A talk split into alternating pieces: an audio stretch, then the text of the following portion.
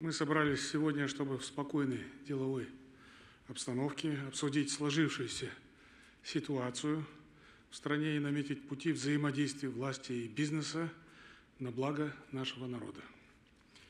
Произошедшие события обнажили проблемы, копившиеся годами. Сегодня же перед нами стоит стратегическая по своей значимости задача глубинной трансформации всего общественного уклада. Нам нужны реальные реформы, которые отвечают чаяниям, интересам граждан Казахстана. Страна изменилась. Изменилось и отношение наших граждан, казахстанцев, к власти, экономической системе и к жизни в целом. Как я заявил 11 января в парламенте, разрыв между богатыми и бедными попросту достиг недопустимого уровня.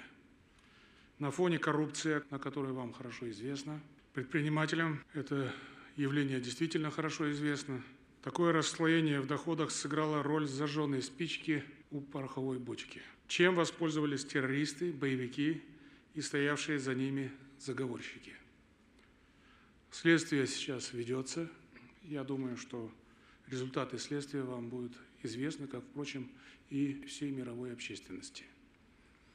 Диссонанс между декларируемой социально-экономической повесткой и фактическим положением дел набрал критическую массу. Именно поэтому нам в срочном порядке нужно приступить к совместной работе по перезагрузке экономической политики. Надо определить новые правила игры, более честные, прозрачные, справедливые. Как это сделать правильно? Какие инструменты использовать? Как консолидировать общество и бизнес?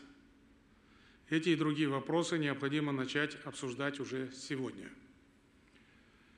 В нашей стране от экономического роста стали выигрывать ограниченные элитные группы, а доходы большинства населения уменьшаются или стагнируют – это серьезная угроза безопасности нашего государства. Это может привести к экономическому, социальному, а затем и к политическому расколу общества. И первые признаки такого кризиса уже вышли на поверхность.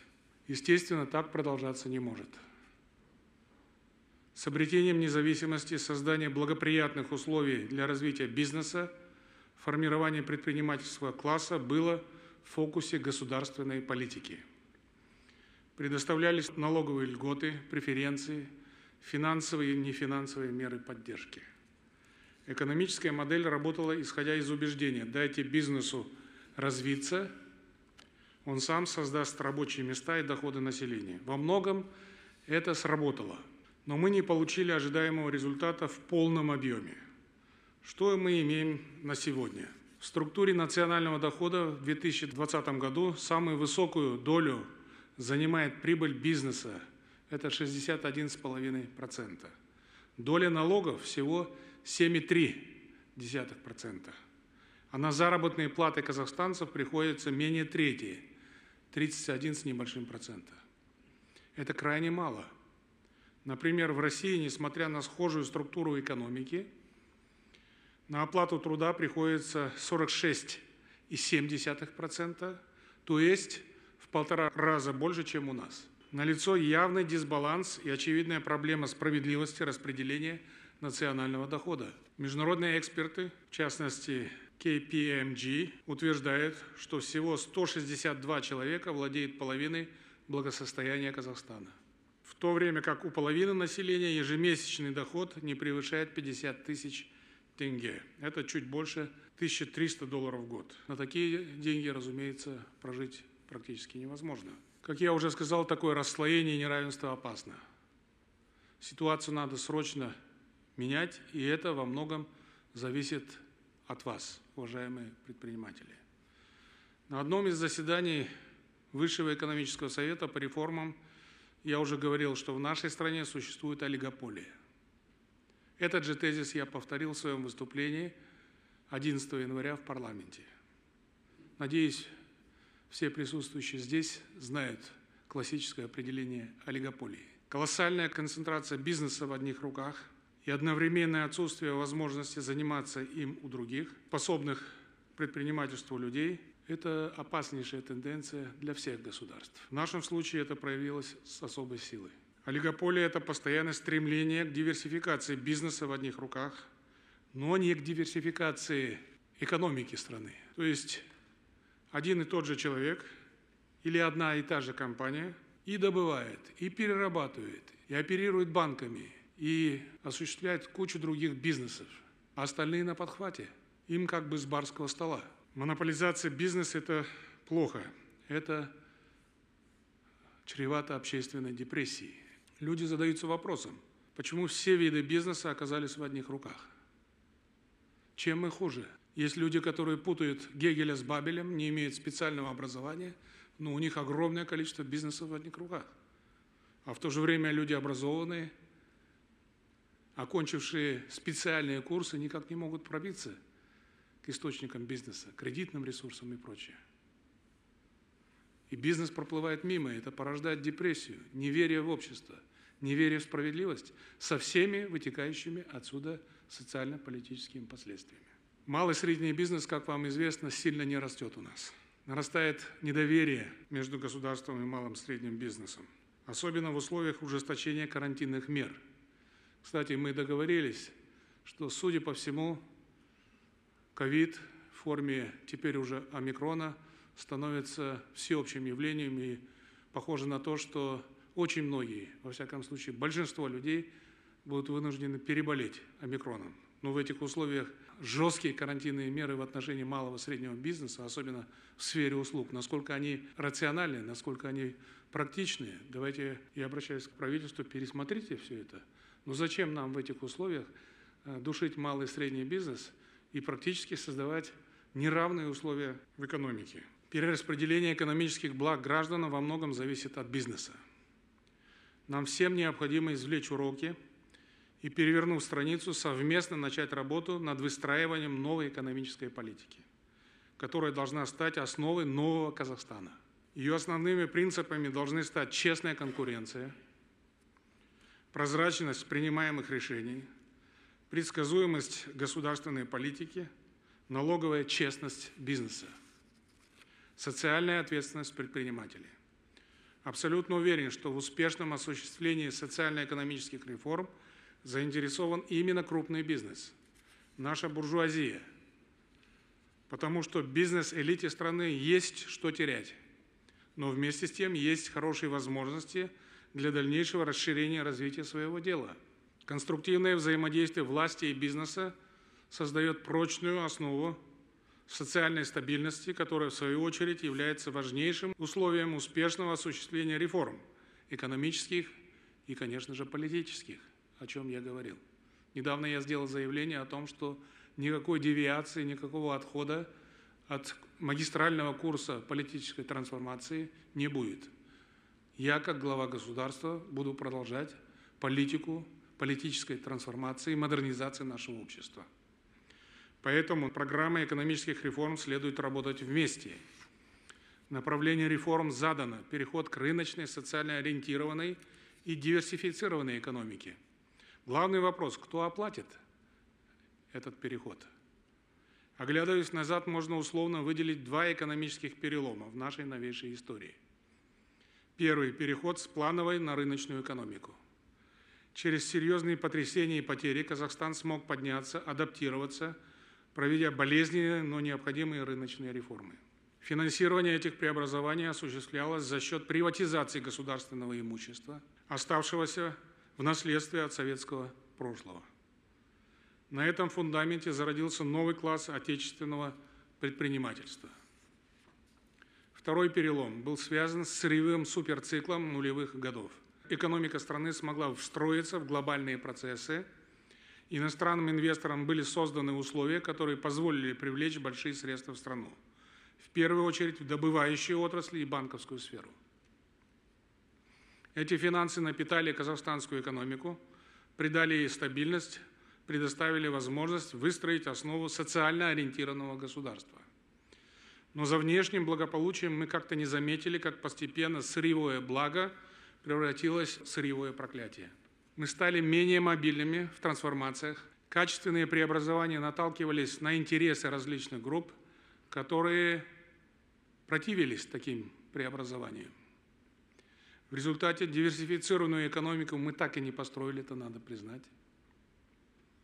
Поэтому задача строительства диверсифицированной экономики по-прежнему актуальна. Ни одна устойчивая экономика не может существовать без сильного производственного сектора. Тезис о безальтернативности индустриализации не потерял своей остроты. Почему же за десятилетия работы прорыва так и не произошло? Основная ошибка состояла в том, что этим главным образом занималось государство. На решение структурных проблем ушли огромные средства, в том числе принадлежавшие и принадлежащие квазигосударственным структурам. Между тем, инициатива была идти от бизнеса, в первую очередь от крупного бизнеса. Этого не случилось. Государственный сектор, каким бы крупным он ни был, всего лишь часть экономической системы государства. Расходная часть республиканского бюджета со всеми его статьями, пенсии, соцобязательства и бюджет развития составляет около 15 триллионов тенге или менее 20% валового внутреннего продукта. Все остальное формируется рынком, большими и малыми предприятиями. Поэтому, вновь подчеркиваю, положительные изменения развития страны во многом зависит от бизнеса. Вложение в производство, создание качественных рабочих мест, в науку и образование обязательно окупится, и вы должны этим заниматься – Например, вместо того, чтобы сетовать на отсутствие квалифицированных кадров, особенно по техническим специальностям, почему бы крупному бизнесу не взять шефство над колледжами, войти в их попечительские советы, брать молодежь на практику, оснащать лаборатории и мастерские. Я знаю, что отдельные корпорации работают в данном направлении, но следует поставить это дело на поток. Я в целом хочу переформатировать образования в нашей стране. Мы слишком много производим юристов, экономистов, менеджеров и прочее, прочее. Нам сейчас нужно поставить образование на технические рельсы. Программу «Болошак» мы переориентируем, мы будем направлять наших молодых людей на учебу, в том числе и в Россию, а может быть и в первую очередь в Россию, в известные технические вузы. И недавно я поставил вопрос о том, чтобы открыть филиалы ведущих университетов мира именно по техническим специальностям. Казахи, молодые казахи должны быть технарями.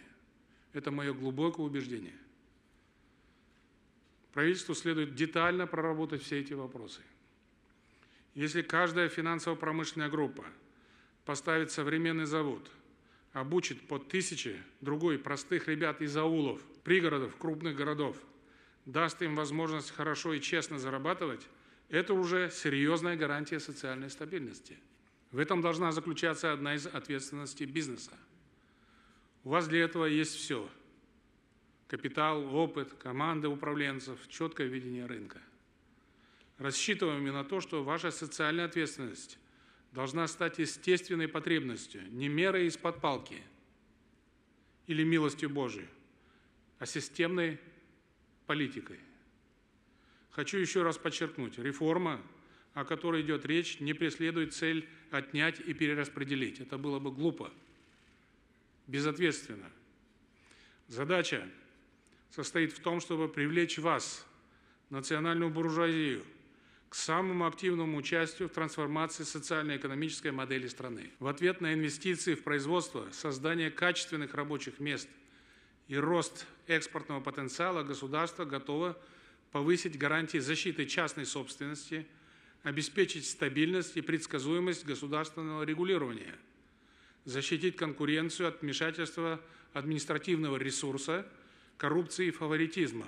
Конкретные меры и механизмы правительства и бизнес должны вырабатывать вместе. Опять я повторяю слово «вместе».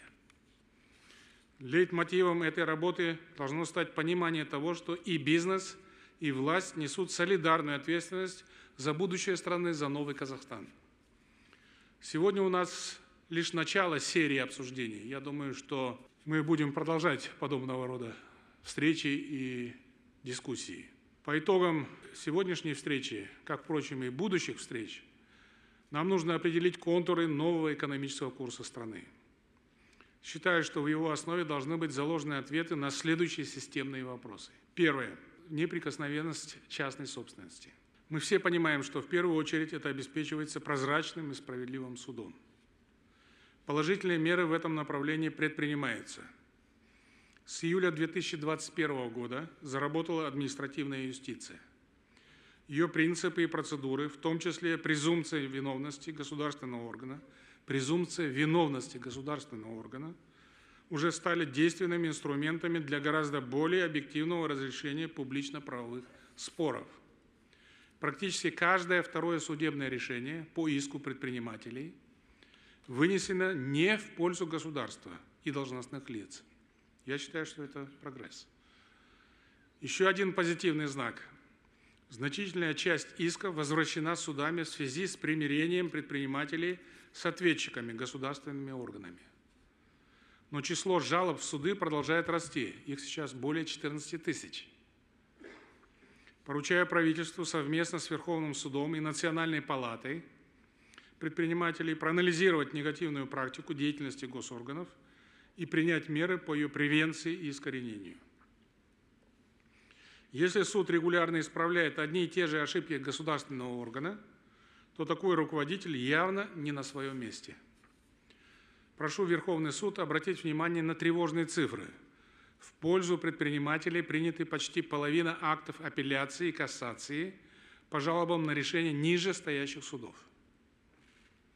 Что это означает? Это означает, что на первичном уровне суды еще не перестроились и не отказались от псевдозащиты интересов государства. Это следует исправить. Задача предпринимателя – работать, а не проводить время в судебных тяжбах. Еще один вопрос из той же области – Бизнес-сообщество ранее обращало внимание на вынужденные судебные издержки из-за того, что госорганы необоснованно, в частности из-за страха быть наказанными, обжалуют судебные акты по всем инстанциям вплоть до Верховного суда. Теперь, чтобы обжаловать судебные акты в апелляцию и кассацию, необходимо иметь согласие вышестоящего органа. Госорганы должны неукоснительно соблюдать указанный порядок. Важнейший вопрос обновления судебной системы – мы уже приняли меры, в том числе законодательного характера. В суды призываются новые кадры, специалисты в различных отраслях права, в том числе из корпоративного сектора. На этой основе уже сформирована новая судебная коллегия Верховного суда по административным делам. Думаю, что приток сильных корпоративных юристов и адвокатов в судейскую профессию, в том числе в регионах, существенно повысит качество защиты интересов инвесторов и бизнесменов. Все возможности к приему новых кадров в судебную систему сегодня имеются. Прошу Высший судебный совет и Верховный суд значительно активизировать работу по обновлению судейского корпуса. Отдельная реформа будет осуществлена в рамках антикоррупционной политики. Акцент сохраняется на борьбе с последствиями, а не с причинами этого явления. Системный анализ предпосылок для коррупции, снижение возможностей чиновников – оказывать влияние на бизнес и граждан, этой работой следует заняться более серьезно, на новом уровне. Антикоррупционной службой подготовлен проект антикоррупционной стратегии. Следует обстоятельно обсудить данный документ с предпринимательским сообществом. Обратите отдельное внимание на противодействие корпоративной коррупции.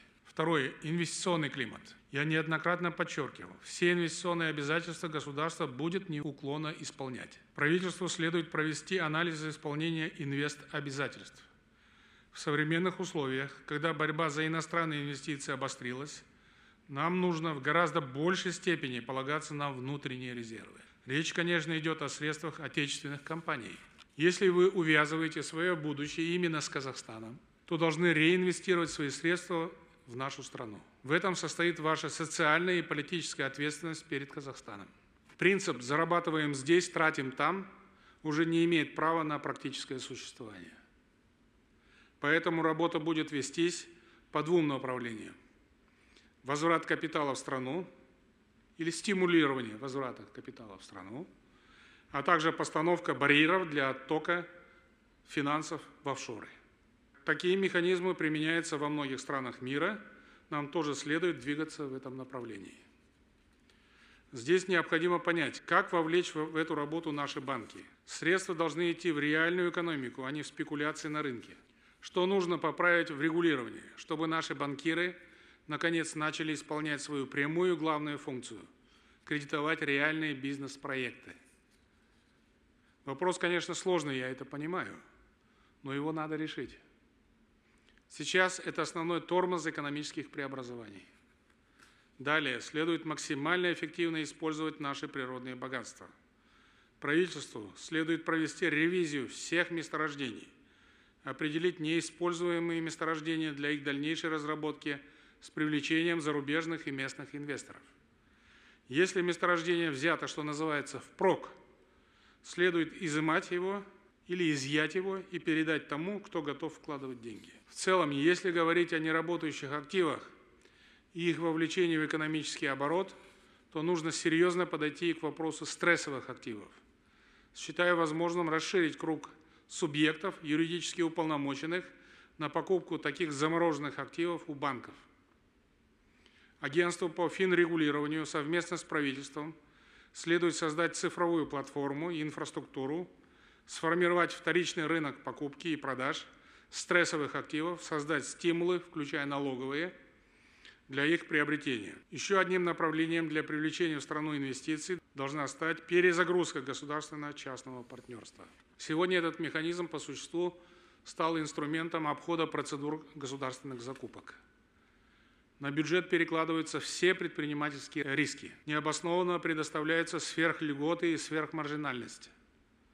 Обязанности, гарантии, риски и доходы должны сбалансированно распределяться между инициаторами и государством. Правительству предстоит выработать новые современные подходы к государственно-частному партнерству. Третье. Честная конкуренция. Здесь в первую очередь предстоит провести анализ искусственно созданных монополий. Операторы, особенно частные, должны уйти в прошлое. Если помните, раньше был такой термин «откупщики». Частная компания за соответствующую плату откупала себе исполнение ряда экономических функций государства. Ни к чему хорошему это не приводило. Поручаю правительству обеспечить запрет на такую деятельность законодательно. Все ниши должны быть открыты для конкуренции. Следует проанализировать все ранее принятые решения подобного рода и принять меры по их отмене. Следует ликвидировать многочисленные посреднические цепочки, искусственно созданные на рынках. Застарелая проблема, которую никто не хочет решать. Нужна жесткая политика по деолигополизации экономики. Об опасности и рисках – исходящих от олигополии, я уже сказал, повторяться не буду. Предстоит взрастить новое поколение предпринимателей, а не отдавать все заказы и подряд одним и тем же компаниям. Все льготы должны быть максимально горизонтальными и предоставляться только в обмен на конкретные встречные обязательства. Это полнота уплаты всех налогов, выход на экспорт, создание качественных рабочих мест и другие вопросы. Уплата налогов крупнейшими компаниями – это, как вы понимаете, песня печальная по своей сути. У нас на руках данные специализированных органов. Они свидетельствуют, что прибыльные гиганты под самыми разными предлогами уходят от полной уплаты налогов. Я поручаю премьер-министру окончательно разобраться с этой проблемой и обеспечить казну полагающимися ей средствами. В противном случае жесткие меры. И тогда, как говорится в детской присказке, кто не спрятался, я не виноват. Крайне важно, чтобы меры господдержки не только увеличивали прибыльность предприятия, но и приносили пользу с точки зрения занятости и доходов. Компании, получающие прямую государственную поддержку, обязаны предоставлять отчет об использовании полученных от государств средств. Далее сохраняется проблема доступа к ключевым факторам производства – земле, инфраструктуре, электроэнергии. Здесь фактор личных связей играет определяющую роль, вы это хорошо знаете. Отдельно стоит вопрос так называемого последнего километра. Речь идет о железнодорожных тупиках, разъездах, эстакадах. Много раз брали за решение данного вопроса, но всякий раз ведомственные и частные интересы брали вверх. Правительство и агентство по конкуренции должны поставить окончательную точку в данном вопросе. Доступ должен быть оперативным, полноценным и прозрачным. Правительству также предстоит навести порядок в таких сферах, как обеспечение нефтепродуктами – рынок телекоммуникаций, фармацевтика и в ряде других. Особую значимость для стимулирования новых производств играет снабжение природным газом. В рамках реформирования Самрук-Казна и его газовых подразделений приоритетом следует сделать поставку газа на внутренний рынок. Уже не просто предприниматели, а акимы регионов обращаются в правительство и даже ко мне с просьбами о выделении газа для реализации индустриальных проектов. А газа нет. Ситуация, когда мы просто гоним газ на экспорт, вместо того, чтобы использовать его для запуска отечественных производств, больше неприемлема. Четвертое. Эффективная налоговая политика. Сначала несколько цифр. По итогам 2020 года доходы государственного бюджета составили 34,6 миллиарда долларов или 20% валового внутреннего продукта. Это явно недостаточно для решения важнейших государственных задач. В странах УЭСР доходы госбюджета достигают 40 и даже 50% валового внутреннего продукта. Даже у наших ближайших соседей это соотношение значительно выше. Украина 40%, Россия 35,5%, Кыргызстан 31%. Далее, за 10 лет доля налогов в структуре валового внутреннего продукта страны снизилась с 9,9% до 7,3%. На этом фоне критически выросли трансферты из Национального фонда. С 2019 по 2021 годы 12 триллионов тенге, то есть без малого 30 миллиардов долларов. Налоговым законодательством предоставлен широкий перечень льгот и преференций. По итогам 2021 года их объем достиг почти 5 триллионов тенге. Все это было сделано для диверсификации экономики, поддержки малого и среднего бизнеса, повышения производительности. Где-то это сработало, но чаще не сработало. Почему я привел эти цифры? Очевидно, что государство не справится с экономической, социальной, общественной модернизацией без достаточных и стабильных источников дохода. Поэтому нам нужна новая налоговая политика. Политика без подводных камней – и отраслевого фаворитизма, прозрачные и понятные как бизнесу, так и правительству. Правительству предстоит выработать ряд непростых решений. Их в обязательном порядке нужно обсудить с предпринимательским сообществом. Надо сделать так, чтобы честно платить налоги стало выгодно и просто. Бизнесу, особенно крупному бизнесу, нужно проявлять нетерпимость к мутным партнерам. В свою очередь, с государства никто не снимает ответственность за сокращение доли теневой экономики. Это огромный ресурс доходов бюджета. В то же время важно поддержать добросовестных налогоплательщиков, оградить их от нечестной конкуренции. Работу следует начать с чистой таможенной границы. Поручение я отдал, жду конкретных и оперативных результатов. Пятое. Реформирование закупок. Государственные закупки – это огромный экономический ресурс, которым надо пользоваться правильно. С этим у нас большие проблемы, это вам хорошо известно. Все еще велика доля закупок неконкурентным способом. Упор исключительно на ценовой параметр отодвигает на второй план качество закупаемых товаров и услуг. Зачастую лишает казахстанских поставщиков шанса начать производство. Нет жесткого фильтра для компаний-однодневок, выдающих импортную продукцию за казахстанскую. Эти проблемы требуется срочно решить. Особое внимание следует обратить на закупки компании фонда «Самрук Казна». Кулуарность, непрозрачность, завышенные цены – с этими фактами необходимо срочно разобраться, уже дальше некуда. Срочно надо разобраться. Даю месяц, причем в последний раз. Не будет решения, последуют жесткие решения. Я надеюсь, все убедились, что формула Платон мне друг, но истина дороже, для меня имеет ключевое целевое значение. Это относится ко всем вопросам. Интерес государства для меня гораздо выше добрых личных взаимоотношений с кем-либо.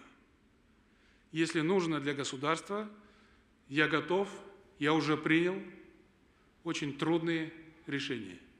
И такие решения я буду принимать в будущем без всяких сомнений. Нужны предметные предложения бизнеса, чтобы решить проблемы закупок, найти оптимальный баланс между качеством и ценой, необходимостью поддержать бизнес и требованием производительности. Особо хотел бы остановиться на следующем вопросе. Считаю неправильным, когда отдельные бизнесмены продвигают идею расширения квот для иностранных работников. Речь может идти лишь о незначительном числе узких профильных специалистов, по которым в стране действительно существует дефицит. Разговор о необходимости массово завозить рабочих из-за того, что наши казахстанцы якобы требуют более высоких зарплат или не проявляют должного трудолюбия, следует прекратить. В стране есть достаточное количество работящих граждан, особенно молодежи. Наша общая задача – внедрить психологию и идеологию труда. Шестое. Снижение участия государства в экономике. Нужно принять кардинальные меры по реформированию так называемого квазигосударственного сектора. На сегодня это около 6,5 тысяч организаций. Следует пересмотреть в сторону сокращения оснований и условия участия государства в предпринимательской деятельности. Правительству следует пересмотреть чрезмерно обширное собирательное понятие субъекты квазигосударственного сектора – когда государство рассматривает школы и Казмунайгаз одинаково в качестве субъектов квазигосударственного сектора, согласитесь, это неверно, это абсурд. Подчеркну отдельно, стратегически важные объекты должны оставаться под контролем государства. Передача активов в конкурентную среду не самоцель, а лишь средство повышения эффективности экономической модели. Следует обратить особое внимание на то, чтобы приватизация не становилась причиной сокращения занятости или полного закрытия предприятий. Такие примеры имеются. Недопустимо, чтобы вместо государственного монополиста появлялся частный. Я об этом уже говорил. На мой взгляд, частный монополист – явление более вредоносное, чем государственные. Далее, я уже поручил реформировать фонд «Самрухазна». Сейчас фонд представляет собой громоздкую структуру, вы это знаете. Непрозрачность, назначение политически значимых людей, неэффективная система закупок, трудовые конфликты, убыточность, незавершенность масштабных проектов, чрезмерные расходы на содержание. Этот список вопросов приводит к возмущению общества. Как, впрочем, и факт, что до настоящего времени мы не смогли построить настоящую реальную нефтехимию. Мы ремонтируем существующие заводы, которые были построены еще в советское время, в то же время как соседний Узбекистан умудрился построить 2-3 завода, как говорится, с нуля на которые приятно посмотреть. Роль Совета директоров и участие независимых директоров во многом формальная. Ставлю задачу кардинального реформирования фонда. Об этом у меня был разговор с Аткаливым. Не справиться с задачей реформирования уйдет в небытие, а вместе с ним и сам фонд. Опыт и экспертиза частных компаний и отдельных предпринимателей, в том числе сидящих здесь, должны быть использованы в работе по реформе фонда. Седьмое. Снижение административных барьеров. Работа в этом направлении уже проводится. Вместе с тем, факты нарушения прав предпринимателей все еще имеются. Органами прокуратуры в прошлом году рассмотрено свыше двух с половиной тысяч жалоб предпринимателей о несогласии с действиями и решениями должностных лиц органов уголовного преследования. Удовлетворено свыше одной тысячи жалоб. Предприниматели жаловались на сотрудников полиции, больше всего, службы экономических расследований, антикоррупционной службы национальной безопасности. В основном обжаловались обыски и выемки, необоснованное начало досудебного расследования, установление ограничений на пользование имуществом. Генеральной прокуратуре следует установить причины и условия, способствующие таким нарушениям, и дать принципиальную оценку действиям виновных лиц, допустивших нарушения. Следует принять меры по исключению случаев использования правоохранителей – в спорах коммерческих субъектов. При выявлении таких случаев необходимо принимать самые жесткие меры. В своем первом послании я говорил, что воспрепятствование законному предпринимательству со стороны официальных органов должно расцениваться как преступление против государства. Почему-то государственные органы дружно запамятовали это мое указание. Следующий вопрос. В соответствии с поправками в Уголовно-процессуальный кодекс Решение о привлечении субъектов бизнеса к уголовной ответственности во многих случаях осуществляется на основании заключения экспертов и специалистов.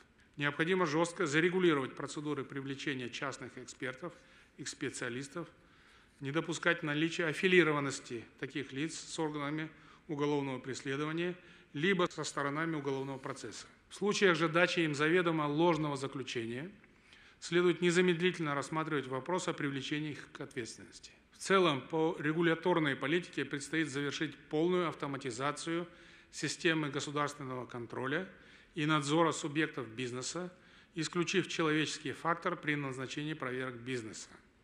Системной мерой для снижения административного прессинга должна стать инициированная мной реформа регулирования с чистого листа. Приходится констатировать, что ее реализация начала пробуксовывать. Опять из-за соблюдения отдельных ведомственных интересов начались взаимные уступки.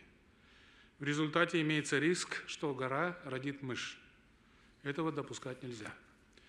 В будущем определяющую роль будет играть тотальная, и во всяком случае должна играть роль, тотальная цифровизация данных и функций.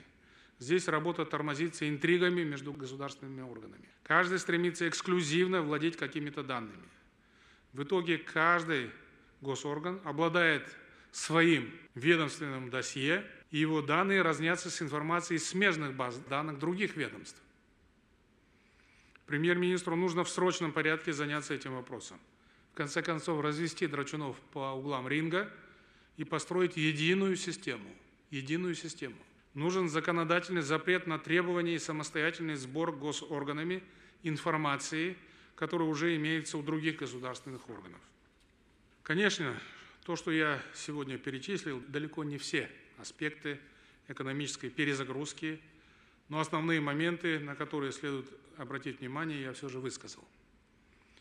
Главная же задача – положить начало конструктивного диалога государственных органов и бизнеса. Этот диалог должен привести к созданию нового экономического курса, о чем я уже сказал. Итогом диалога станет консенсус между властью и бизнесом. Мы строим слышащее государство. Это не громкая фраза, это не фигура речи, это действительно государство, которое должно внимательно прислушиваться к мнению своих граждан. И наша встреча – это знак того, что бизнес будет услышан, и все его конструктивные предложения будут учтены в отраслевых и структурных политиках. Государство предлагает вам стать прогрессивным национальным бизнес-классом – классом, который максимально заинтересован в построении сильного и процветающего Казахстана. Важно помнить, что разница между успешными странами и странами, застрявшими на переходном этапе, это способность национальной буржуазии, способность или неспособность национальной буржуазии отойти от потребительского отношения к стране и гражданам, способность сыграть ключевую роль в трансформационных процессах. По моему глубокому убеждению, в этом и есть настоящий патриотизм со стороны предпринимательского класса. По каждому из направлений социально-экономических реформ можно создать проектную группу, куда каждый из вас может направить своих представителей или участвовать лично. Здесь лишней бюрократии и формализма не нужно. Каждый из вас, прежде всего, человек дела. Подготовленные пакеты и предложения должны лечь в основу среднесрочной программы «Новая экономическая политика». Поручаю создать Совет отечественных предпринимателей при правительстве – Думаю, что такой орган позволит напрямую донести мысли и идеи бизнеса и снизит кулуарность принимаемых решений. Я также готов регулярно проводить с вами встречи, как сегодня. Критиков действий государства всегда хватало и будет хватать. Давайте вместе определим, что делать дальше, и вместе начнем реализовывать реформы. От слов пора переходить к делу. В заключение хотел бы поблагодарить тех из вас, кто уже откликнулся на мой призыв и перечислил средства в фонд народу Казахстана. Эти благородные своевременные действия заслуживают самой высокой оценки, но формализм здесь должен полностью отсутствовать, а то вдруг начали собирать ежедневную заработную плату со стороны государственных служащих, бюджетников, но этого не нужно делать. Это совершенно ненужная инициатива. Еще раз подчеркну, это не бюджетный фонд, это фонд народа Казахстана – Поэтому его работа должна строиться без долгих бюрократических процедур. Эта работа будет абсолютно прозрачной. Все крупнейшие компании будут ежегодно вносить определенный правительством процент налогооблагаемых доходов в фонд, который будет заниматься полезной благотворительной деятельностью. Надеюсь, что бизнес-сообщество искренне поддержит это начинание, а также поможет фонду в реализации соответствующих проектов.